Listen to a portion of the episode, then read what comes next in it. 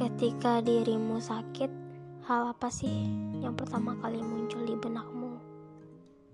Ketika sakit, ketika keadaanmu sakit, dan hal apa yang kamu sadari dari situ? Halo, assalamualaikum. Ketemu lagi bersama aku di podcast Sinaran Indah Singgah, yang di mana di sini kali ini kita akan membahas bersama-sama perihal tentang sakit. Tapi kali ini bukan tentang sakit hati ya, atau perihal sakit tentang percintaan. Ini perihal tentang sakit, jatuh sakit. Dan ya, selamat mendengarkan. Beberapa hari ini jatuh sakit. um, biasa seperti akhir-akhiran kemarin-kemarinnya ya seperti udah ya seperti itu adanya sakitnya. Dan mm, ketika sakit jadi nggak bisa berbuat apa-apa dan dan benar-benar harus istirahat banget. Apalagi ketika beberapa yang lalu sekitar dua hari yang lalu benar-benar istirahat dari segala hal-hal apa pun itu.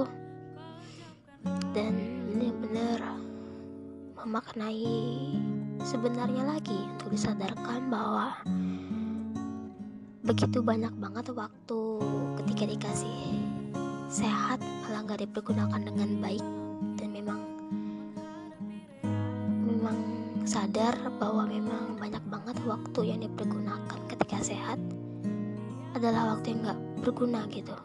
Padahal ketika doa ketika sakit mintanya untuk sembuh ya untuk supaya kembali beraktivitas dengan produktif dengan positif dengan dengan kebaikan tapi kok malah nggak kok malah sebaliknya gitu. Dan dan bentuk rezeki kesehatan itu jadi gak berarti apa-apa dan jadi disadarkan lagi kalau wow kesehatan itu sangat berarti banget. Dan sekali lagi kesehatan itu sangat berarti banget dan sangat penting banget. Karena kalau diri kita nggak sehat semuanya bakal terganggu dari segala pikiran. Mau melakukan ini karena sakit nggak bisa atau mau kerjakan suatu hal karena sakit jadi nggak bisa atau mau berpergian karena sakit jadi nggak bisa. Dan banyak hal-hal lainnya yang yang terkendala karena sakit itu. Dan sakit pun juga bentuk cara ikhtiar. Adalah kita menjaga diri kita untuk um, membentuk pola hidup sehat. Dan itu pun nggak ada luar kontrol kita ketika itu pasti tetap sakit. Karena memang sakit itu juga nyadarin lagi kalau memang tubuh ini bukan milik kita. Karena ketika kita sakit kita udah ikhtiar nih. Sebelum sakit untuk berpola sehat untuk apa namanya berkehidupan sehat tapi tetap sakit ya itu namanya udah jalannya sakit dan dan ya yang tadi tadi dibilang bahwa di awal itu untuk nyadarin lagi kalau memang tubuh ini bukan milik kita. Karena sudah terlihat karena udah ngebuktiin dari yang sebelum-sebelumnya gak punya kontrol apa pun ketika sakit. Gak bisa kontrol apa pun untuk sembuhnya kapan. Gak bisa kontrol apa pun untuk kayak mau sakit yang ini aja nggak mau sakit yang lain. Gak bisa kontrol hal-hal lain deh intinya. Gitu. Jadi memang pantas wajarnya aja ketika di hidup ini Tuhan memberi sebuah aturan-aturan agama gitu. Dan memang itu harusnya sebagai pedoman hidup. Pedoman dalam berkehidupan kok malah banyak dilanggar. Yang di mana tubuh ini aja memang bukan milik kita.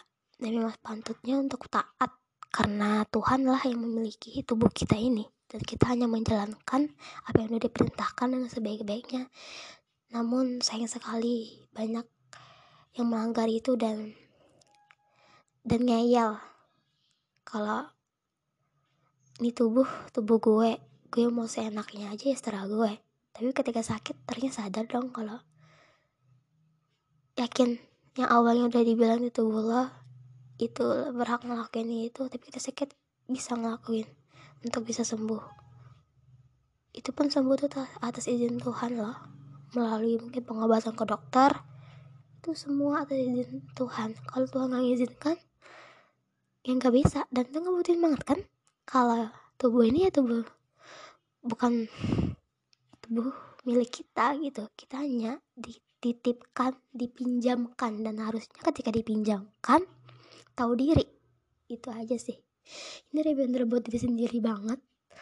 Karena ya. Jadi